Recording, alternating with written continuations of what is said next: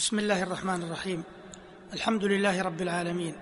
والصلاة والسلام على أشرف الأنبياء والمرسلين نبينا محمد وعلى آله وصحبه أجمعين. أيها المستمعون الكرام سلام الله عليكم ورحمته وبركاته. أما بعد فقد كان الحديث في الحلقة الماضية يدور حول تعامل النبي صلى الله عليه وسلم مع المخالفين المحاربين وتخلل ذلك شيء من أدب الحرب في الإسلام.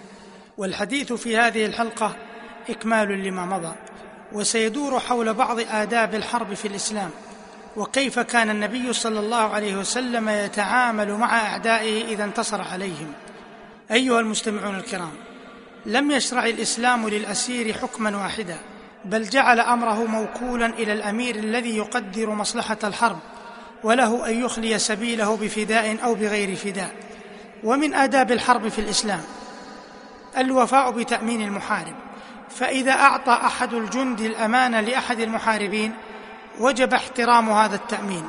ولا يجوز لأحد أن يتعرض لذلك المحارب بأذى.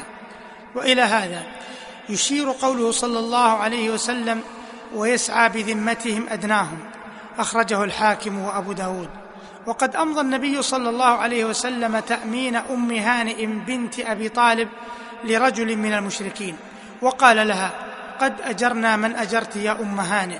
أخرجه البخاري ومسلم. وحدث في عهد عمر بن الخطاب رضي الله عنه أن عبدا أمن أهل بلد العراق فكتب قائد الجيش وهو أبو عبيدة إلى عمر يأخذ رأيه في هذا التأمين فكتب إليه عمر إن الله عظم الوفاء فلا تكونون أوفياء حتى تفوا. فوفوا لهم وانصرفوا عنهم. ومن آداب الحرب في شرعة الإسلام ومما يجلي معنى الرفق والرحمة مجاملة رسل العدو وترك التعرض لهم بأذى. فقد يأتي رسول العدو في شأن الصلح أو غيره مما فيه تخفيف شر الحرب. فمن حسن الرأي ألا يتعرض للرسل بأذى وأن يكونوا في أمن حتى يعودوا إلى قومهم. فإن التعرض لهم بأذى يقطع صلة الرسالة بين الفريقين.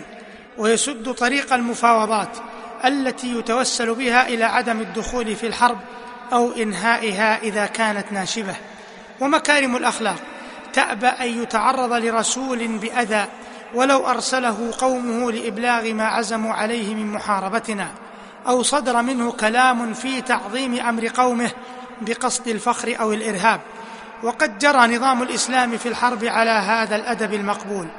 قدم أبو رافع بكتاب من قريش إلى رسول الله صلى الله عليه وسلم فلما رأى رسول الله صلى الله عليه وسلم ألقي في قلبه الإسلام فقال يا رسول الله إني والله لا أرجع إليهم أبدا. فقال رسول الله صلى الله عليه وسلم أما أني لا أخيس بالعهد ولا أحبس البرد ولكن ارجع فإن كان في قلبك الذي في قلبك الآن فارجع. أخرجه الحاكم أبو داود. قال فرجعت ثم أقبلت إلى رسول الله صلى الله عليه وسلم وأسلمت. هذه نبذة من خلق الرحمة التي كانت تصاحب النبي صلى الله عليه وسلم في حروبه. تلك الرحمة التي غيرت نظرة الناس من بعده للحرب.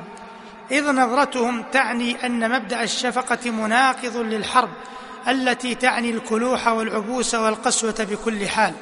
وبخاصة ما نراه اليوم من حروب هذا العصر التي تأكل الأخضر واليابس وتتسم بالوحشية ولا تعرف الرحمة لا في أثنائها ولا بعد نهايتها غير أن الناظر في تاريخنا المجيد وسيرة نبينا الأعظم يجد هذا المعنى لائحا واضحا كما مر ويراه كذلك بعد نصره صلى الله عليه وسلم وتمكنه من الأعداء الذين ناصبوه العداوة ولم يدعوا طريقا في سبيل إيذائه إلا وسلكوه.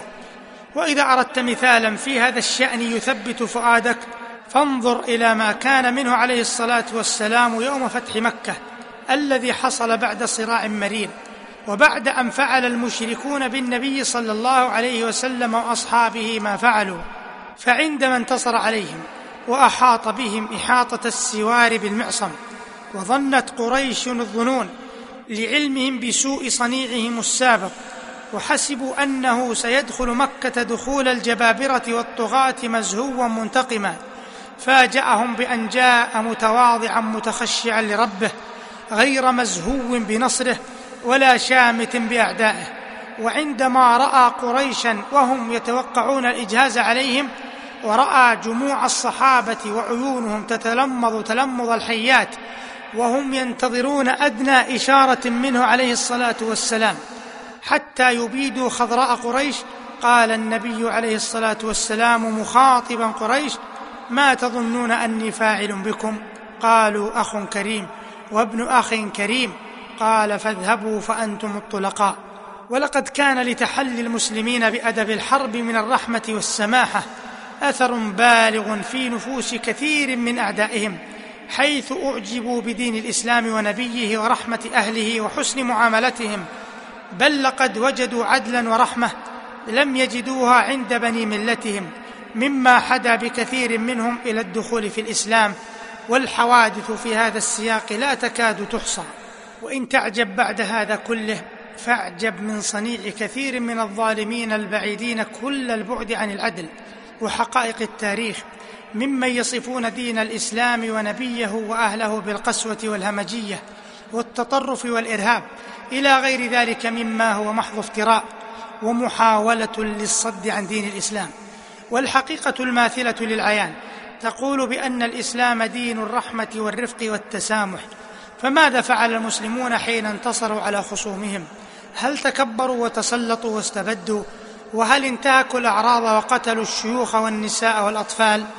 ماذا فعل النبي صلى الله عليه وسلم عندما انتصر على خصومه الذين كانوا يؤذونه أشد الأذى؟ ألم يكن يصفح عنهم ويمن عليهم بالسبي والأموال؟ وماذا فعل المسلمون عندما انتصروا على كسرى وقيصر؟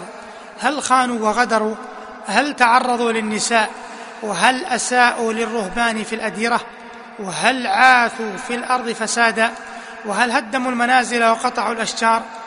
وماذا فعل صلاح الدين لما انتصر على الصليبيين الذين فعلوا بالمسلمين الأفاعيل ونكلوا بهم أيما تنكيل؟ فماذا فعل بهم صلاح الدين لما انتصر عليهم؟ ألم يصفح عن قائدهم ويعالجه ويطلق سراحه؟ وماذا كانت أحوال أهل الذمة في بلاد المسلمين عبر العصور المتطاولة إلى يومنا هذا؟ ألم يكونوا ينعمون بالأمان والعدل والإحسان؟ ألم يجدوا من عدل المسلمين وإحسانهم ما لم يجدوه من بني جلدتهم؟ فهذه المواقف النبيلة وأمثالها كثيرة في تاريخ المسلمين مما كان له أبلغ الأثر في محبة الناس للإسلام والدخول فيه عن قناعة ويقين. أفغير المسلمين يقوم بهذا؟ آه الغرب يقدم لنا هذه النتائج. الجواب ما تراه وما تسمعه. فمن أين خرج هتلر وموسوليني ولينين وستالين ومجرم الصرب. أليست أوروبا هي التي أخرجت هؤلاء وأمثالهم من الشياطين الذين قتلوا الملايين من البشر ولاقت منهم البشرية الويلات إثر الويلات؟ ألا يعد أولئك هم طلائع حضارة أوروبا؟ فمن الهمج القساة العتاه إذن؟ ومن المتطرفون الإرهابيون حقيقة؟ ثم من الذين صنعوا القنابل النووية والعنقودية والذرية والجرثومية؟ وأسلحة الدمار الشامل. ومن الذين لوثوا الهواء بالعوادم والأنهار بالمبيدات؟ ومن الذين يسلكون الطرق القذرة التي لا تمت إلى العدل ولا إلى شرف الخصومة بشيء؟ من الذين يعقمون النساء ويسرقون أموال الشعوب وحرياتهم؟ ومن الذين ينشرون الإيدز؟ أليس الغرب ومن يسير في ركابهم؟ ومن الذي يدعم اليهود وهم في قمة التسلط والإرهاب؟ وماذا حصل في محاكم التفتيش؟ وما أدراكم ما محاكم التفتيش؟ وماذا حصل في بعض السجون مما ينداله الجبين؟ هذه هي الحقيقة الواضحة وهذا هو الإرهاب والتسلط. ولا يعني ذلك بحال من الأحوال أن يكون غير المسلمين على سنة واحدة من الظلم والتسلط والجبروت. لا بل إن فيهم من هو قائم بالعدل بعيد عن الظلم. أما جهاد المسلمين لإحقاق الحق وقمع الباطل ودفاعهم عن دينهم وأنفسهم وبلادهم فليس إرهابا وإنما هو العدل بعينه. وما يحصل من بعض المسلمين من الخطأ في سلوك الحكمة فقليل لا يكاد يذكر بجانب وحشية الغرب. وتبعته تعود على من أخطأ السبيل ولا تعود على الدين ولا على المسلمين ولا يقر عليها من قام بها بل إن أهل الإسلام ينكرون مثل ذلك أشد الإنكار. وهكذا. ينبغي للعاقل المنصف أن ينظر إلى الأمور كما هي بعيدا عن الظلم والتزوير والنظرة القاصرة. وبعد هذا فإذا كان للإنسان من عجب فإنه من الأوروبيين والأمريكان حيث لم يكتشفوا حقيقة الدين الإسلامي وعظمة نبيه عليه الصلاة والسلام فيما اكتشفوه وهو أجل من كل ما اكتشفوه وأضمن للسعادة الحقيقية من كل ما وصلوا إليه. فهل هم جاهلون بحقيقة الإسلام حقا أو أنهم يتعامون ويصدون عنه؟ إن كانت الأولى فهي مصيبة وإن كانت الأخرى فمصيبتان. والسلام عليكم ورحمة الله وبركاته.